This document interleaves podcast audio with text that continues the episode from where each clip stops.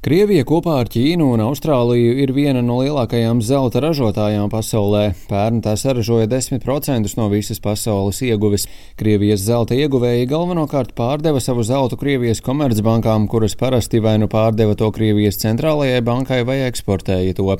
Ja neskaita enerģiju, piemēram, naftu un gāzi, tad zelts ir Krievijas otra lielākā eksporta industrija. Atskatoties uz laiku pirms diviem gadiem, 2020. gadā Krievija eksportēja zeltu par 18,5 7 miljardiem dolāru, Krievijai kļūstot par ceturto lielāko zelta eksportētāju pasaulē. Tajā pašā gadā zelts bija ceturtais eksportētākais produkts Krievijā. Galvenie zelta eksporta galamērķi no Krievijas ir apvienotā karaliste, Šveice, Kazahstāna, Turcija un Indija. Pēdējos gados Krievija arī sākusi palielināt savus zelta iepirkumus, un strauji tas notika 2014. gadā pēc tam, kad Krievija anektēja Krīmu. Kopš tā laika Krievijas zelta rezerves ir trīskāršojušās saskaņā ar ASV amatpersonu teikto. Tagad valstī ir zelta rezerves no 100 līdz 140 miljārdu dolāru apmērā, kas ir aptuveni 20% no Krievijas centrālās bankas uzkrājumiem. Kā vēl pirms sankciju pieņemšanas izteicās Eiropas Savienības augstais pārstāvis ārlietā Žuzeps Borels, Vissvarīgākais šonadēļ paustais sankciju papildināšanas priekšlikums ir tieši zelta importa aizliegums.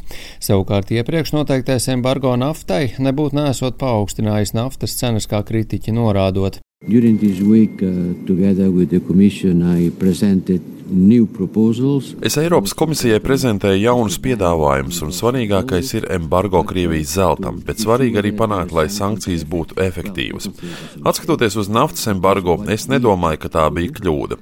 Tas bija tas, kas mums bija jādara un ko mēs turpināsim darīt. Daži cilvēki saka, ka, piemēram, naftas aizliegums ir paaugstinājis naftas cenas, bet, paskatoties uz cenām, kopš pieņēmām aizliegumu, tās ir samazinājušās. Tādēļ es vēlētos, lai cilvēki saviem argumentiem piedāvā arī datus. Amerikas Savienotās valstis norādījušas, ka Krievija izmantojusi zeltu, lai atbalstītu savu valūtu un apietu sankciju ietekmi.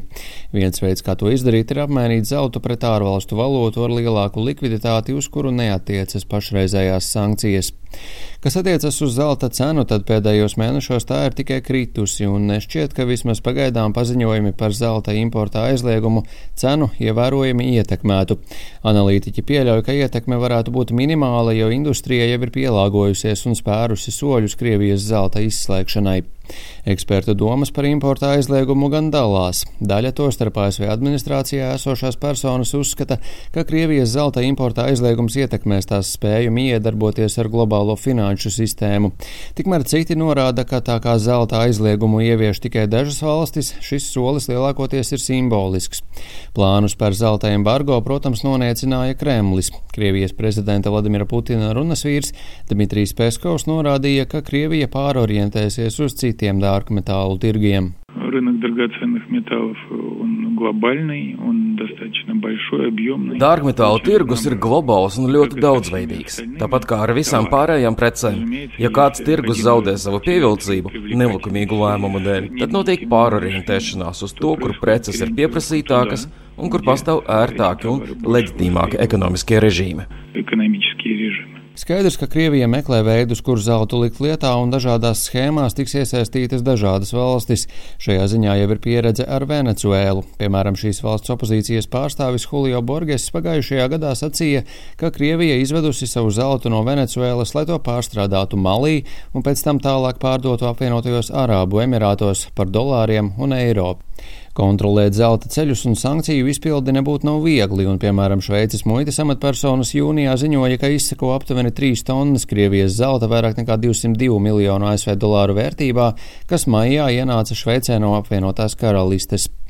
Dati par Krievijas zelta importu un eksportu ir skopi, bet banķieri, analītiķi un zelta ieguvē strādājošie vērsuši uzmanību uz to, ka pēc 24. februāra Krievijas zelta pircēju vidū tagad ir valsts centrālā banka, cilvēki Krievijā, kuri vēlas drošu ieguldījumu, un pircēji Āzijā, kur vairums valstu nav noteikušas sankcijas pret Krieviju. Tātad būtībā zelta eksports jau pirms embargo noteikšanas uz rietumiem ir teju apstājies, arī tādēļ, ka rietumu valdības jau noteikušas sankcijas Krievijas galvenajā galvenajām zelta tirzniecības bankām. Un arī tās liecina par to, ka embargo ir vairāk politiski simbolisks, nevis ekonomiski būtisks solis.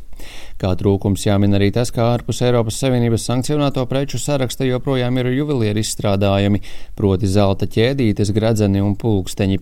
Bet, kā izteicies finanšu pakalpojumu uzņēmuma City Index tirgus analītiķis Favats Razakzada, Krievijas ekonomikai embargo nav tik svarīgs, taču ir šis teiciens, ka rietumu sankcijas ir paredzētas, lai nogalinātu ar tūkstošu dūrieniem, un šis ir tikai viens no tiem.